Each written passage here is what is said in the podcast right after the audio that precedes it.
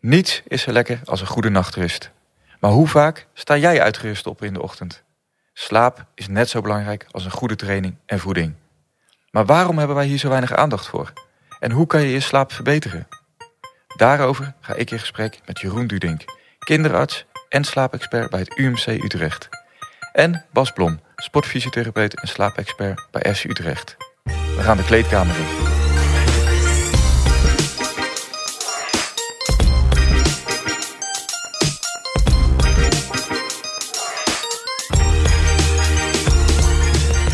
Topsport draait om iedere dag 1% beter worden. Binnen FC Utrecht werken we daar elke dag aan. Hoe we dat doen en wat jij daarvan kan leren, hoor je in FC Utrecht Next. Mijn naam is Niek Amelink, innovatiemanager bij FC Utrecht. Elke aflevering ga ik in gesprek met twee experts over belangrijke elementen in de topsport. En dat doe ik niet zomaar ergens, maar in de kleedkamer van FC Utrecht.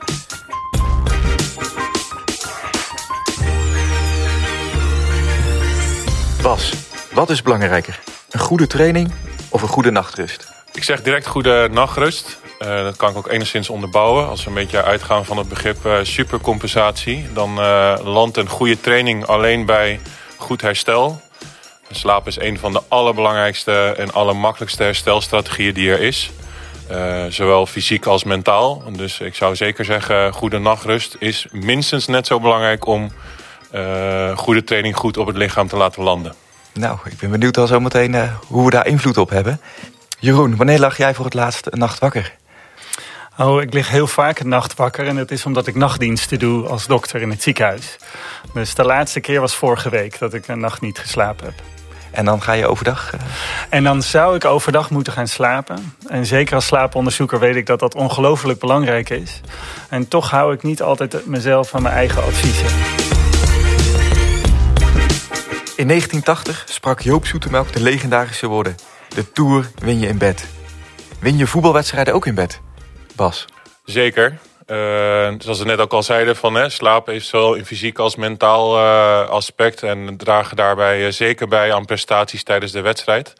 als je bijvoorbeeld kijkt naar het mentale, dat is niet altijd voor iedereen duidelijk. Maar op het moment dat jij uh, instructies krijgt van de coach hoe een bepaald team speelt of hoe je tegenstander gaat spelen. En je gaat daar de nacht ervoor over uh, dromen of je gaat het laten inwerken op je of je slaapt goed. Dan blijft die coaching ook beter hangen, waardoor je veel beter voorbereid bent op, uh, op je tegenstander of op het team dat je gaat treffen op het veld. Ja, en voor fysiek is het natuurlijk duidelijk als je uitgerust bent en je kunt maximaal geven. Uh, dan, is, dan draagt slaap daarbij uh, zeker bij. Dus uh, zeker wedstrijden worden zeker gewonnen ook in, in, in bed. al is het misschien 1% op sommige momenten, dan is het op andere momenten misschien wel 10%. Dus goed slapen draagt zeker bij aan goed resultaat op, op zaterdag. Dus het verschil wordt daar zeker gemaakt. En, en 10% dat is best veel, hè, zou ik zeggen, voor een voetbalwedstrijd als je daar de, de, eindstand mee zou kunnen bepalen. Maar hoe beïnvloed je slaap dan? Ja, dat doen spelers toch thuis. Dus hoe, hoe, hoe kan je dat beïnvloeden? Nou, als we kijken binnen, hoe we dat binnen FC Utrecht doen, dan uh, uh, hebben wij elke dag verzamelen we data van spelers. Daar heeft Reiner in de vorige podcast het ook al een keer over gehad, wat, wat die data precies doet. Dus daarmee krijgen we een inzicht hoe spelers zich qua slaapgedrag laten zien op het moment dat dat wat minder is, dan kunnen wij uh, één op één, en dat is dan in het geval van mij, uh, persoonlijk uh, helpen door adviezen te geven, strategieën te bedenken, waardoor dat wat beter kan gaan worden. We weten bijvoorbeeld, hè, Rainer gaf aan dat goed slapen een invloed heeft op het blessurerisico, maar we weten 100% zeker dat slecht slapen nog een veel groter risico heeft op blessures. En dat is natuurlijk iets wat we ja, willen voorkomen, zeker in onze organisatie. En hoe weet je dat je slecht slaapt? Hoe... Nou, dat, dat, is, dat is ervaring. Uh, ik, denk dat, ik denk dat Jeroen daar ook nog heel veel over kan, uh, kan, kan vertellen. Maar ik denk dat iedereen zijn eigen individuele slaapstrategie, uh, slaapplan voor zichzelf duidelijk heeft. Dat dat ter zijner tijd verandert door dat je, we hebben spelers uit het buitenland met verschillende culturen en achtergronden. Die komen naar Nederland en moeten daar misschien op aanpassen. doordat wij bijvoorbeeld ochtends trainen in plaats van smiddags. Uh, spelers die kindjes krijgen, waar kindjes natuurlijk een invloed hebben op, op, op het nachtproces. Uh, dus Dus daarin verandert de wereld ook iedere keer. En daar proberen wij in mee te gaan en in te faciliteren. En zeker ook te analyseren door die data. Om te kijken dat we dat zo optimaal en zo goed mogelijk kunnen creëren uh, voor die spelers. Want Jeroen, het is dus voor iedereen anders. Hoe ja, eigenlijk is het zo dat um, wat we weten is dat elke leeftijd heeft een andere slaapbehoefte. Als je heel jong bent, moet je veel meer slapen dan als je, als je wat ouder wordt. Um, maar als je wat ouder wordt, is het nog steeds zo dat bij wijze van spreken op, um, op uh, uh, middelbare leeftijd acht uur slaap het advies is. Sommige mensen slapen wat minder, sommige mensen slapen wat meer. Maar die acht uur moet je maar eens bij jezelf nagaan hoe vaak deze week, afgelopen week, je echt acht uur hebt kunnen slapen. En ik stel zelf altijd als iemand aan mij vraagt van uh, hoe weet ik nou of ik goed geslapen heb? Nou, ben je wakker geworden door de alarmwekker? Of ben je zelf wakker geworden, fris, opgestaan, zonder alarm, he, helemaal uit jezelf? Dan weet je dat je echt goed geslapen hebt. Nou, dat is bijna een illusie, dat lukt bijna niemand. Maar het is wel goed om daar eens over na te uh, denken. Hè? Van als ik acht uur wil halen, hoeveel uur daarvoor moet ik eigenlijk dan alvast gaan klaarmaken om naar bed te gaan? En dat, is, dat zijn tips die ik, die ik altijd aan mensen geef, aan de dokters met wie ik samenwerk, die, uh, die diensten doen of die hard moeten werken. Is dat eigenlijk mijn, uh, mijn slaaptip? Reken eens terug wanneer je naar bed moet gaan. Rekening houdend met hoe lang het je duurt om je klaar te maken voor bed. Is dat ook wat waarbij onze spelers bij het eerste helft doen? Ja, zeker. Um, kijk, slaap is een 24 uur proces. Zo legt dat die spelers ook iedere keer uh, weg. En nou ja, Jeroen gaf net al een aantal slaaptips weg. Maar onder andere bewegen is belangrijk, daglicht is belangrijk. Uh, maar ook rust, ritme, regelmaat. Nou, over bewegen en daglicht. Onze spelers trainen buiten, dus dan slaan we twee vliegen in één klap. De inname van voedingsproducten krijgen ze natuurlijk advies over. Dat is ook weer belangrijk voor je slaap. Want op het moment dat je heel veel suiker gaat nemen... net voordat je gaat slapen, is ook niet altijd even handig. Zelfs als koolhydraten, dan gaat je lichaam juist aan het werk. Maar zeker ook in de avond is het gewoon belangrijk van... oké, als ik om negen uur op de club uh, moet zijn...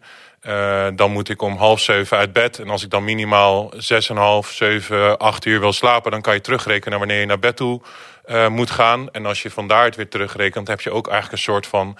ik noem het altijd een warming-up om, om naar bed te gaan. Kun je ook bepalen van oké, het uur daarvoor... telefoon aan de kant, televisie uit, boekje lezen tanden poetsen en al dat soort dingen... die zijn, die zijn ontzettend belangrijk om uiteindelijk tot goede slaap uh, te komen. En dat is volgens mij ook een klein beetje wat, wat Jeroen ook aangaf zojuist. Slapen is niet alleen maar een proces van een nachtelijk proces, maar is een 24 uur proces. Ja, en, en Jeroen, ik, volgens mij heb ik Merkel wel eens horen zeggen dat ze gemiddeld drie, vier uur per, uh, per nacht slaapt.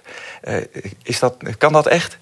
Nou, er zijn uitzonderingen overal, is dat zo. Uh, in de hele wereld zijn er uitzonderingen. Maar als je kijkt, dan um, ja, er gebeurt niet acuut iets, maar er gebeurt chronisch iets met je als je slaaptekort hebt. Chronisch slaaptekort, dat, dat doet wat met je. Um, op verschillende fronten. Het is niet goed om het maximale uit jezelf te halen. En vandaar ook dat we in het ziekenhuis denk ik altijd veel kijken wat topsporters doen. Die het maximaal uit hunzelf halen. Want wij vinden uh, uh, uh, mensen die ziek zijn, die hebben ook een soort topsporters. Ja. Die leveren ook een soort topsport. Nou, wat doen topsporters? Wat hebben we van topsporters gezien? Die letten op eten. die trainen veel, die bewegen veel. en steeds meer letten die op hun slaap. En dat is die 24 uur per dag gezondheid die we dus ook in het ziekenhuis willen gaan doen. Dus topsporters kijken veel naar de gezondheidszorg en het onderzoek wat we doen. Maar andersom is het ook zo. Wij kijken ook altijd goed wat topsporters doen. Want wij geloven dus ook dat bijvoorbeeld revalideren topsport is. Ja, ja en, en dat is ook de reden waarom jullie in het ziekenhuis veel aandacht hebben voor dit thema. Of steeds meer aandacht hebben voor dit ja, thema. Eigenlijk komt het door onderzoek. Dat is wat we hebben gezien in de afgelopen jaren. Of eigenlijk steeds meer zien in de afgelopen jaren. Dat slapen echt een belangrijk onderdeel is van, van je gezondheid. Vroeger uh, wist je moeder het eigenlijk al. Want die zei, als je ziek bent moet je naar bed. En tegenwoordig zeggen steeds meer dokters het ook. Als je ziek bent moet je goed gaan slapen. En wat we zien is dat we het niet alleen maar steeds meer in het ziekenhuis gebruiken. Maar ook uh, in het revalidatietraject. Dat slapen een steeds belangrijker plek krijgt. Maar ook, en dat is wel heel mooi vind ik, om ziektes te voorkomen. Dus om uh, gezond te leven hoort slaap erbij. Slaap hoort ook bij een gezonde levensstijl. En dat is iets wat we, wat we ook eigenlijk in de laatste jaren steeds meer zien. Hè. Eerst was het sportschool. Uh, toen was het uh, niet alleen maar naar de sportschool, maar je moet ook op je dieet letten. Je moet ook gezond eten, veel eiwitten in je voeding en uh, zorgen voor een goede balans in je voeding. En tegenwoordig zeggen we van ja, dat is allemaal wel mooi en aardig, maar de basis, of een van de belangrijkere dingen die je kan doen, is ook goed slapen we herkennen allemaal de effecten van slecht slapen. Je bent zagrijnig, dingen lukken niet, uh, je bent snel geïrriteerd. Maar de effecten van goed slapen, die, die, die merkt men niet altijd op. Maar als je dit soort dingen hoort, maar ook bijvoorbeeld als je dat gaat relateren naar FC Utrecht-spelers... ja, net scherper zijn dan je tegenstander... waardoor je net die assist maakt of de bal op de lijn tegenhoudt... of net de goede keus maakt. Dat wordt altijd gerelateerd aan, aan het mentale vlak. Maar daar heeft slaap natuurlijk een onwijs groot uh, invloed op. Dus je moet eigenlijk het perspectief een beetje draaien van... oké, nee, ik slaap slecht. Van nee, hoe kan ik beter gaan slapen? En wat zijn de effecten van, van goed slapen? En ook de onderzoeken zoals Jeroen net aangaf... als je natuurlijk nu kijkt naar het lopende WK wat nu bezig is... Duitsland heeft een aparte slaapcoach uh, bij zich... Uh, je leest heel veel dingen de laatste, nou zeker de laatste jaar, maar de laatste jaren over slaap en topsport en slaap en performance. En dat, dat clubs slaapcoaches in dienst gaan nemen om zowel de herstelstrategie, maar ook om prestaties uiteindelijk natuurlijk gewoon te verbeteren. Om net dat verschil te maken ten opzichte van andere clubs ten opzichte van je tegenstander.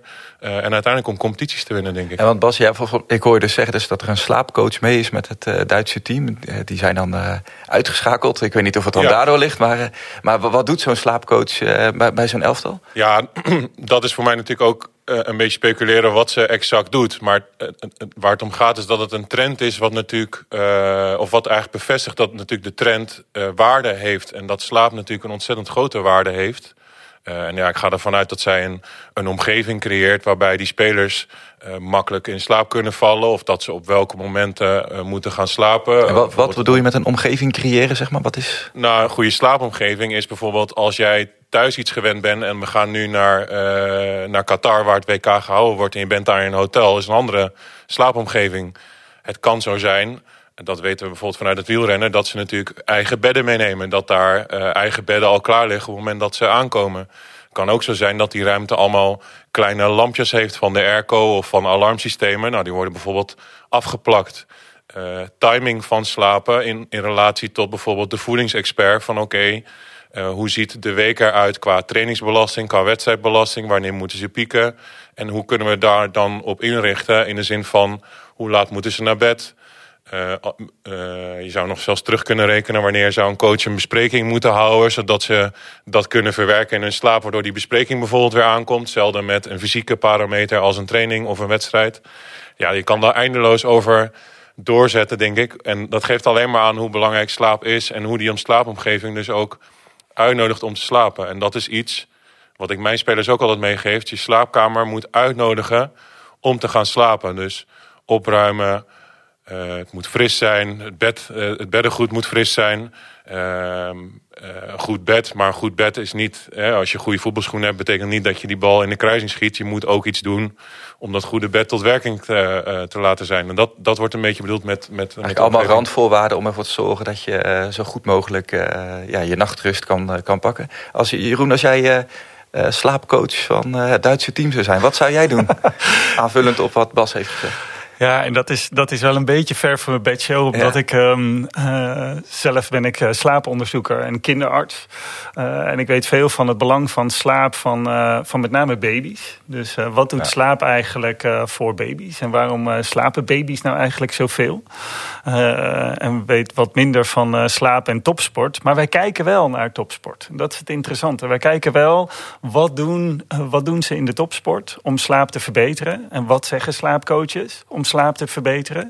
En een van de dingen die wij bijvoorbeeld hebben geleerd in relatie tot jonge kinderen, dat slaap van ouders een enorme belangrijke, belangrijke probleem is. Uh, uh, ouders van jonge kinderen.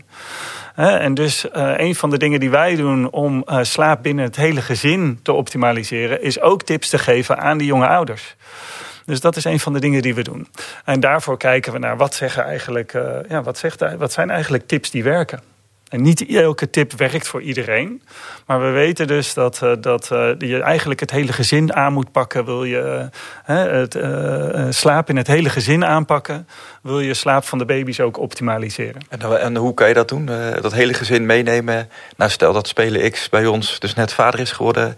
Hoe, hoe neem je zo'n heel gezin mee? Um, nou, we hebben een stuk of honderd slaaptips op een rijtje gezet. En daar hebben we aan heel veel experts in, in Nederland gevraagd. wat vind je nou van die slaaptips?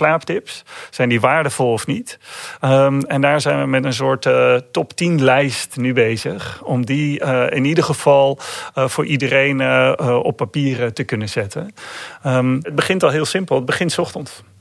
Dus goede slaap begint eigenlijk in de ochtend. En een van de tips die er bijvoorbeeld in de top 10 staat... is zorgen voor een ritme, maar ook voor voldoende daglicht.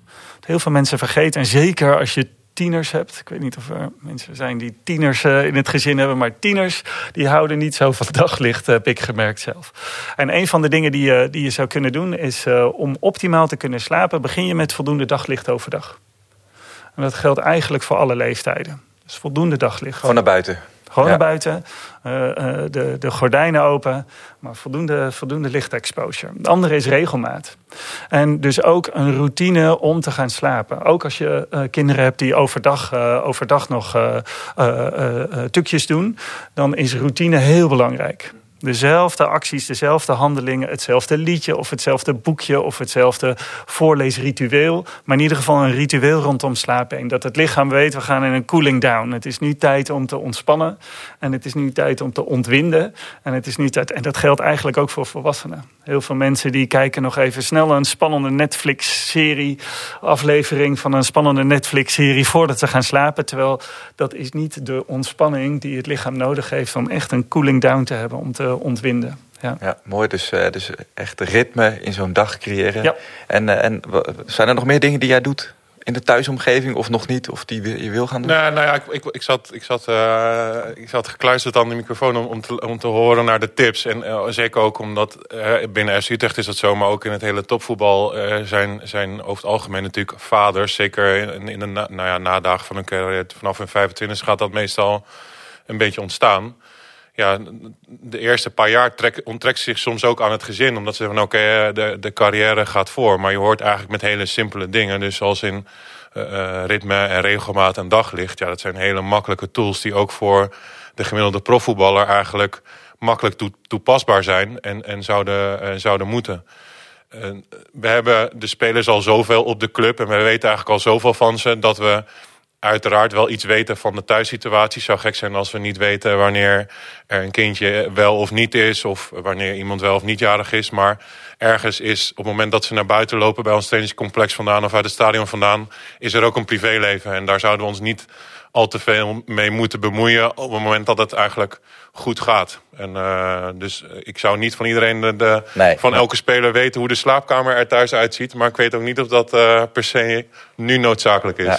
Maar ritme en regelmaat hoor ik. Hè. En uh, als je kijkt naar het eerste elftal, die hebben natuurlijk, maar dat geldt denk ik ook in het ziekenhuis, verschillende roosters. Hè. Dus, en voor ons geldt dan weer verschillende tijden van wedstrijden. Um, dat is natuurlijk als je s'avonds om negen uur in, uh, nou, in Emmen moet voetballen... dan is dat toch wat anders dan dat je elke week om half drie thuis speelt... en dus weer op tijd naar bed. Hoe ga je, hoe ga je dan met wisselende roosters in het ziekenhuis om? En voor ons uh, bij het eerste elftal, hoe ga je daarmee om?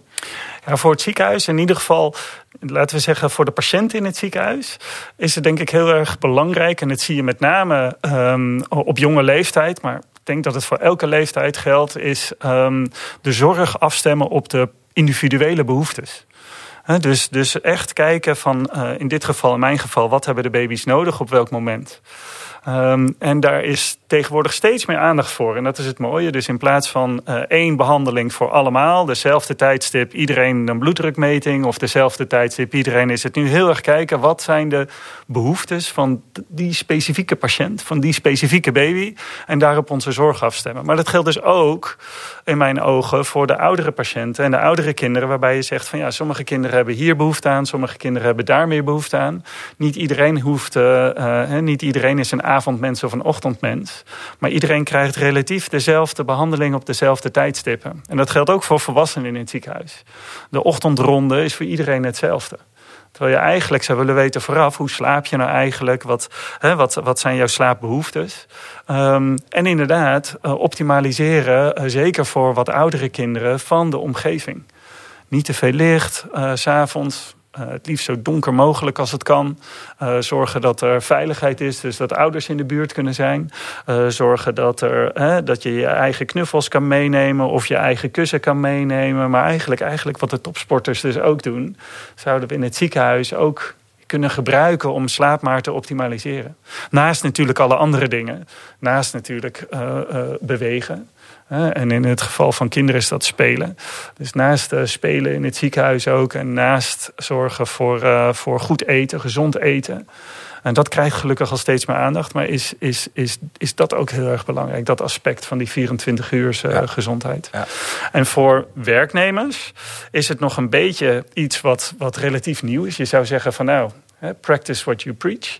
Maar voor werknemers, inclusief mezelf, is het nog iets waar gelukkig steeds meer aandacht aan uh, uh, voorkomt. Maar waar nog steeds veel meer aandacht naartoe moet gaan. Ja. Um, en dus dat na een nachtdienst uh, niet na geslapen nachtdienst, hebben. Ja, ja, nachtdienst is eigenlijk een beetje spelen met vuur, zoals ik het zie.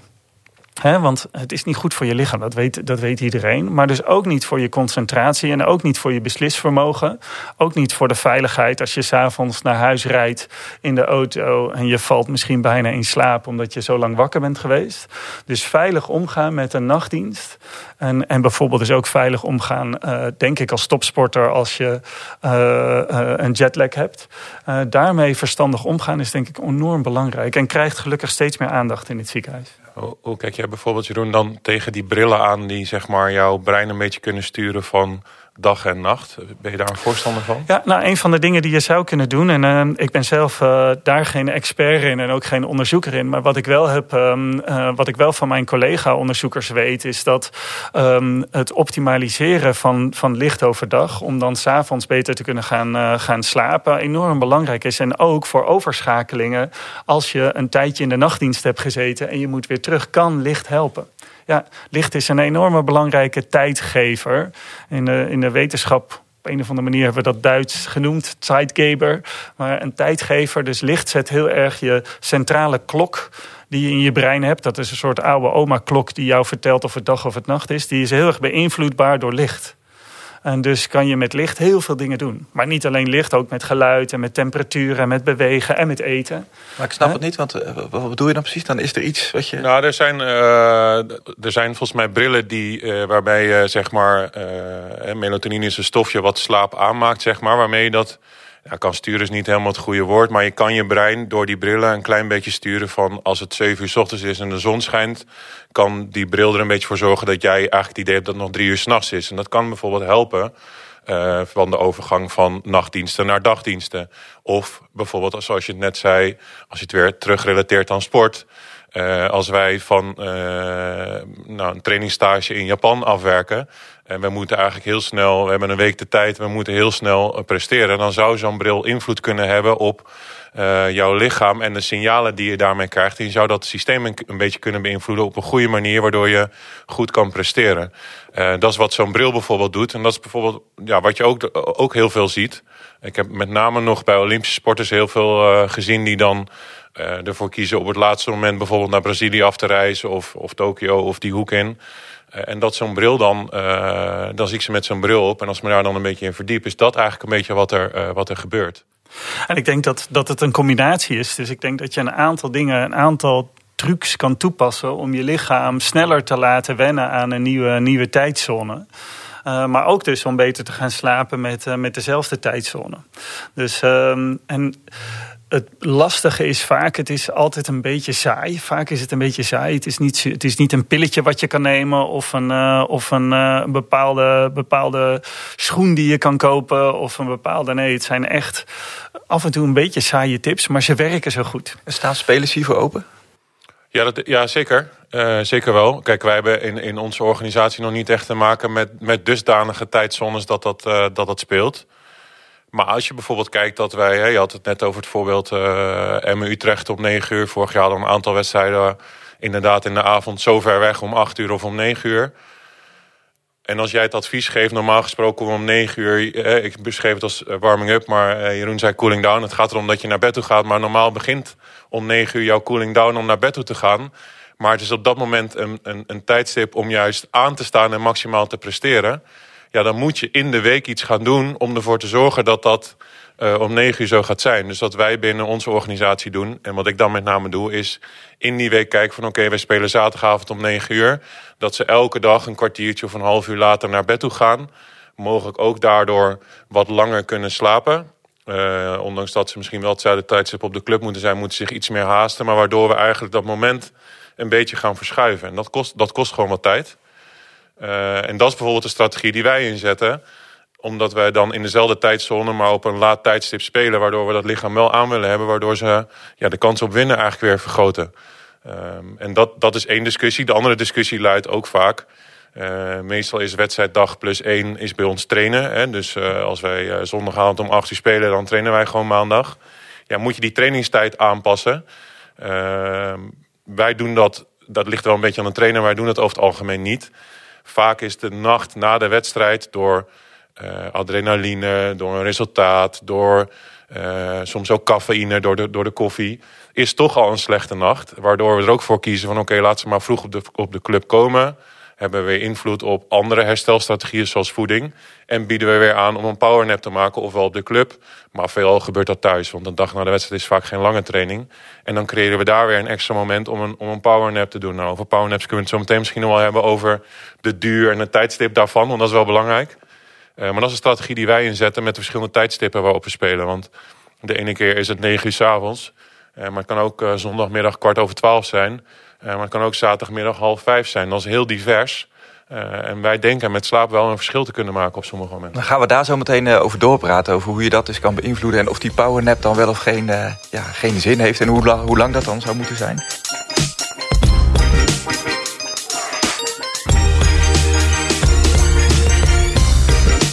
Oké, maar dan nu eerst een boektip. Bas, vertel, welke boektip heb jij? Ik heb er, ik heb er twee meegenomen. Eentje echt gerelateerd aan, uh, aan slaap. Dat is het boek Superslapen van uh, Floris Wouterson. Uh, Floris Wouterson overigens heeft ook een aantal podcasts die, die je kan luisteren. Dus, maar ik zou je zeker aanraden om dat boek te lezen. Eigenlijk de tips die Jeroen net, net beschreef staan onder andere ook in dat boek. Maar ook hoe je die dan praktisch zou kunnen toepassen met nog veel meer dingen. Dus het is een heel mooie mix van theorie en de gedachte achter slaap en het vervolgens praktisch uitvoeren. Uh, en daaraan koppelend heb ik, heb ik nog een extra boek meegenomen. Dat, dat boek heet Atomic Habits. En dat gaat er eigenlijk om dat je slechte gewoontes afleert en goede gewoontes weer aanleert. En dat dat heel minimaal en klein moet zijn. Hè? Dus als jij merkt dat je normaal gesproken met zes uur slaap niet lekker wakker wordt, dan moet je niet jezelf de opdracht geven van oké, ik moet nu acht uur slapen, maar dat je begint met zes uur en vijftien minuten. En dat die doelen iedere keer haalbaar zijn. Waardoor het ook een proces wordt van positieve dingen. En waardoor je uiteindelijk die acht uur gaat halen. Dus dat je daar de tijd voor neemt. Dus dat is eigenlijk uh, mijn tweede tip, daaraan koppelend. Want slaap uh, aanpassen uh, kan best uitdagend zijn. Maar doe het in kleine stapjes. Want dat is denk ik het allerbelangrijkste.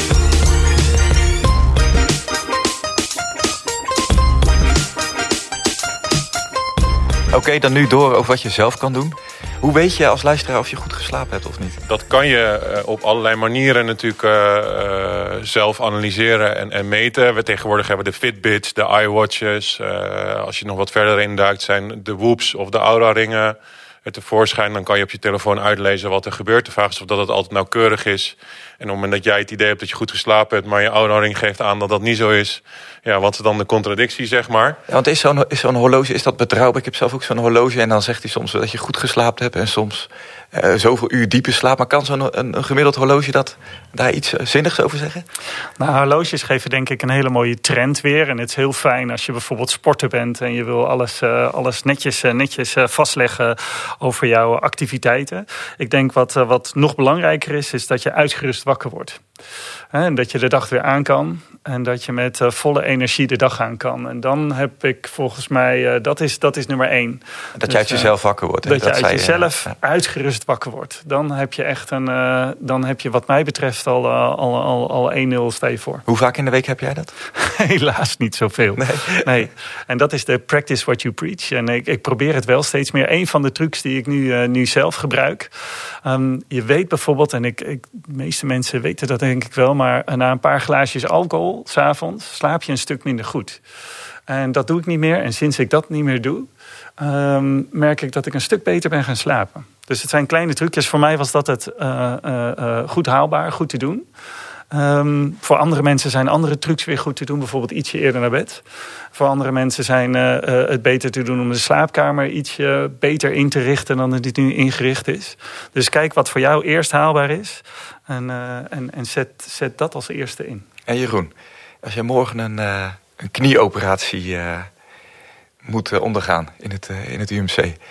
En er zijn twee artsen. En de ene arts die heeft anderhalf uur geslapen.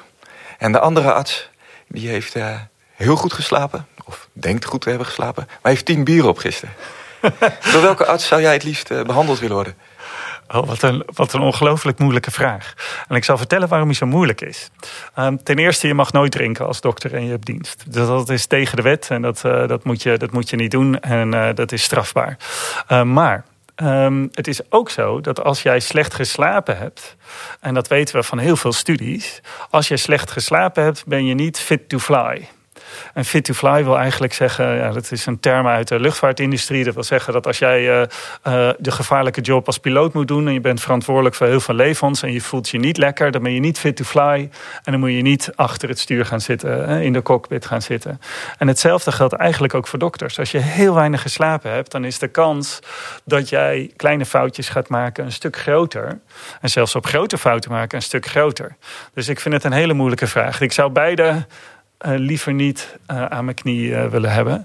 Um, maar het is een goede vraag, want het is zo dat slecht slapen is, is niet goed voor je, voor je concentratie. En eigenlijk weten we dat ook eigenlijk zelf allemaal wel. Hè? Maar je ziet melden omdat je niet zo'n goede nacht hebt gehad. Is, dat is best wel een drempel, kan ik me voorstellen. Ja, en het zou eigenlijk geen drempel moeten zijn. En dat is mijn mening. Mijn mening is dat op het moment dat jij voor um, uh, uh, een, een, moeilijke job hebt, waarbij je verantwoordelijk bent voor anderen, en dat geldt als buschauffeur, en dat geldt als vliegtuigpiloot, en dat geldt als dokter, op het moment dat jij um, uh, een verantwoordelijkheid hebt naar anderen, en het is een moeilijke job, um, ga dan niet er met een enorm slaapgebrek in. Maar zorg eerst dat je goed geslapen hebt en doe dan je job. Maar was dat vroeger ook niet zo met de hele Ik Bob-campagne, zeg maar? Hè? Dus uh, dat was, uh, volgens mij, is, ik weet niet hoe lang geleden dat het is, maar uh, zo oud ben ik nog niet. Maar volgens mij was dat tien jaar geleden of zo, dat, dat er echt zo'n Ik Bob-campagne. Vroeger was de Bob, was, is toch een beetje de, ja, dat wilde je liever niet zijn. Of als je, maar nu is het nog gewoon oké, weet je, als je gewoon de Bob bent. Zou zo'n campagne misschien ook niet... Ik denk dat het helemaal niet gek is om um, uh, in, in verschillende, uh, hè, verschillende onderdelen van de, van de maatschappij... dus onder andere in het ziekenhuis, te zeggen van... jongens, let op je slaap... Uh, en let op goede slaap, want dat hoort bij alertheid. En uh, uh, dat hoort bij het goed doen van je job. Maar eigenlijk breder, hè? niet alleen in het ziekenhuis. Nee, nee, nee, eigenlijk, wat je net zei, ook als want buschauffeur. Een bob, een bob die bijvoorbeeld um, de rest meeneemt vanuit de disco om vier uur s'nachts... maar die de nacht daarvoor eigenlijk ook al slecht had geslapen... en die is misschien wel 22 of 24 uur wakker... En dat betekent dat jouw motorische vermogen, je concentratievermogen, er zijn heel veel studies naar geweest, ongeveer op het niveau staan van 15 tot 20 biertjes. Ja. Dus eigenlijk wil je, uh, de vraag die je aan de Bob wil stellen is en, weet je zeker dat je geen alcohol hebt gedronken? En twee, heb je de nacht daarvoor wel goed geslapen? Want een oververmoeide Bob achter het stuur is ook niet de meest veilige keuze in mijn ogen. Het, is, het, is, ja, het werkt volgens mij een beetje twee kanten uit, uh, denk ik. In de zin van... Uh, we hadden het net over slaap in het voetbal. Hè. Ik haalde het WK aan dat er een slaapcoach mee was. En dat er natuurlijk steeds meer bekend over wordt. Maar dat is natuurlijk ook wat, wat Jeroen aan het begin van de podcast ook al zei. Eigenlijk een trend. Hè. Daar waar iedereen eerst de sportschool in gejaagd werd. En uh, bedrijven fitnessabonnementen aan hun werknemers gaven van... hé, hey, je moet fit zijn. Is dit ook iets nieuws? Kijk, en als jij je een keer uh, afmeldt of je merkt van... oké, ik ben niet in staat omdat ik uh, slecht geslapen heb om maximaal te presteren. Ja, dat wordt 1, 2, 3 vijf keer geaccepteerd. Maar je kan hem natuurlijk niet twintig keer inzetten, die joker. Dus dan gaat het er wel om dat jij ook weer gaat reageren op de situatie. Dat je die slaap kunt verbeteren. Nou, daar dan een klein beetje op inhaken naar het volgende, hoe het in dagelijks leven. Je moet ook de gedachtegang achter slaap uh, begrijpen. Hè? Dan, dan, dan begrijp je ook een beetje waarom je dingen doet. Het starts with why is eigenlijk een beetje de boodschap. Dus als slaap een 24 uur proces is, hoe ziet zo'n slaapcyclus er nou eigenlijk uit? Bij baby's is dat, uh, als ik het goed begrepen heb, Jeroen, 45 minuten. Bij volwassen mensen is dat een anderhalf uur zo'n cyclus. En, en dat wisselt dus ook gedurende je leeftijd. Um, en die, in die anderhalf uur ga, doorga je ook weer allerlei processen die daarin helpen. Zo weten we, aan het begin van de nacht zit vaak de diepe slaap, wat voor fysiek herstel zorgt. Dus de trainingsprikkel die jij op je lichaam hebt gehad. Maar het tweede gedeelte van de nacht is wel meer ja, de wastrommel van, van je brein. Dus dat je daar weer wat meer de indrukken van die dag verwerkt.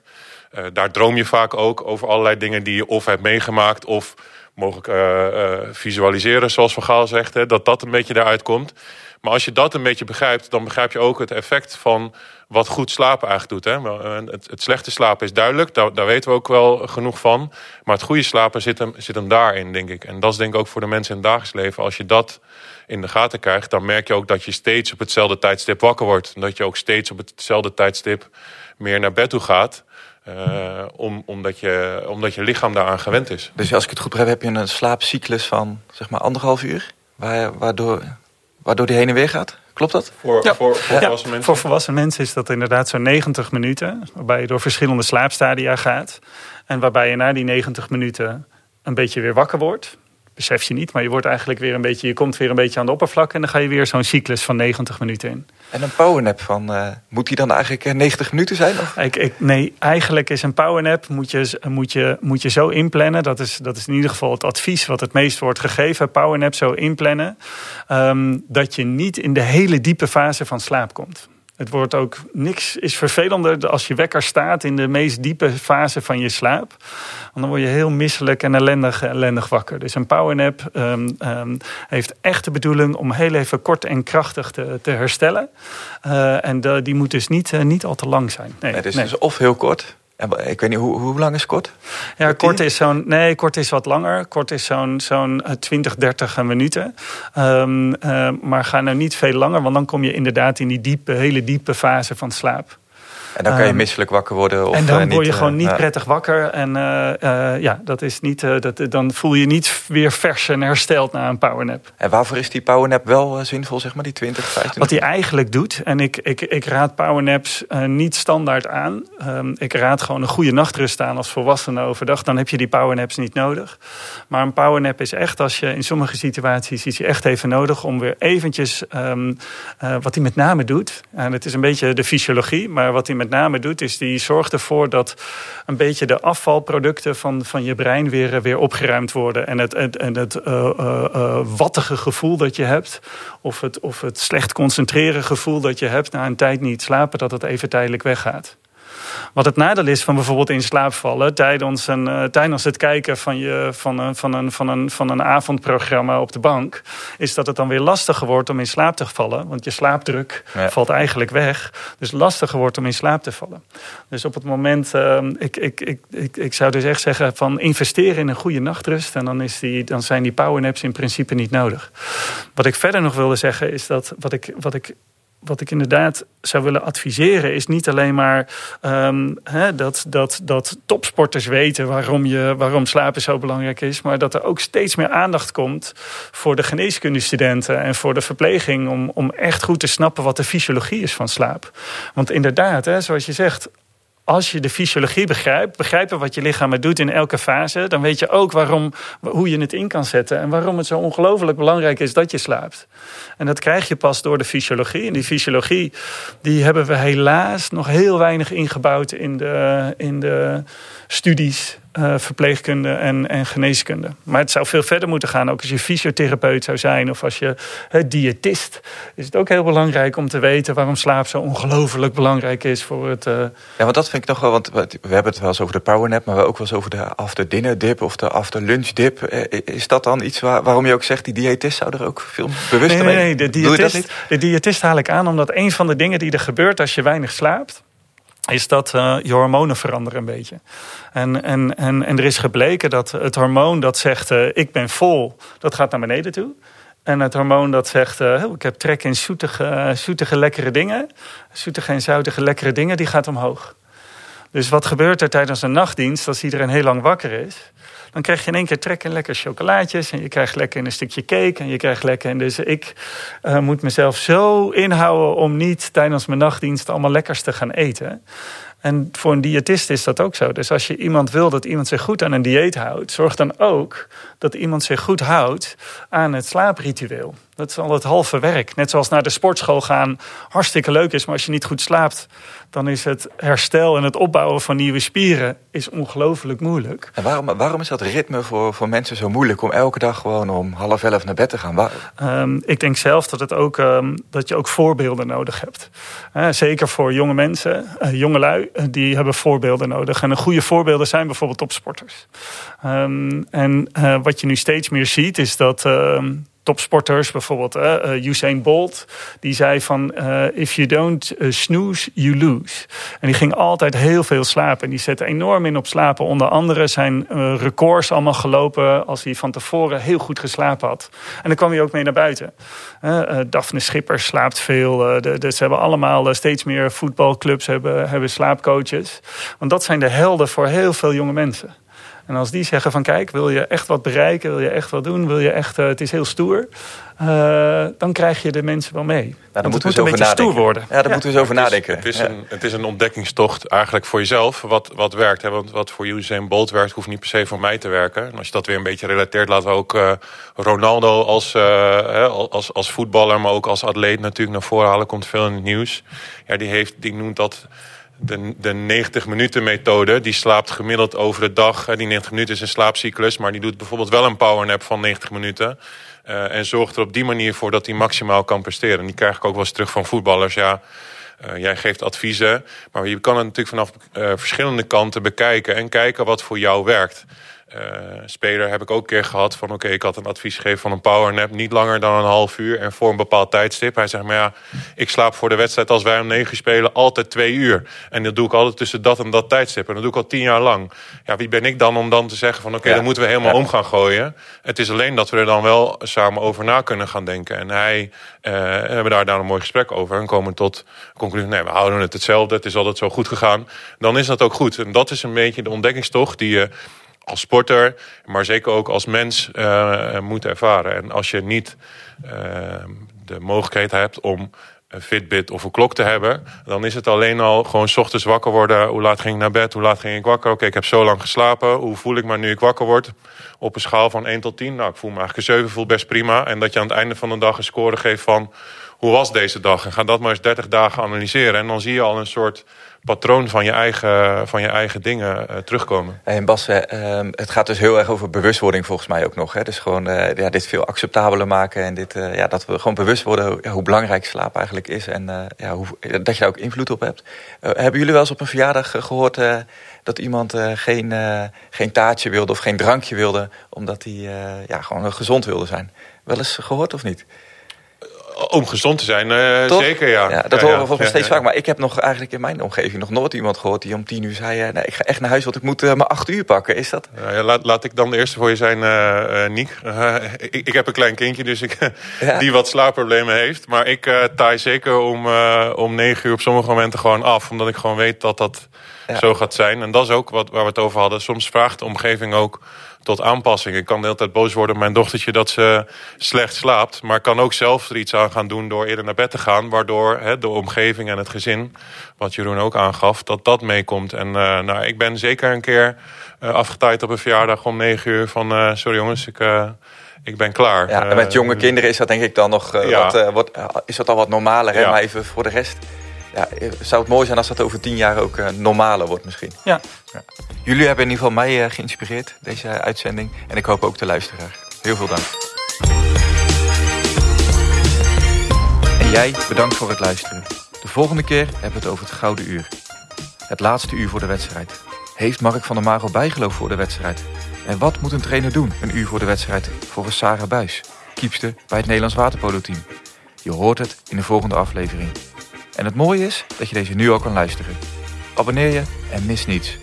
Graag tot snel.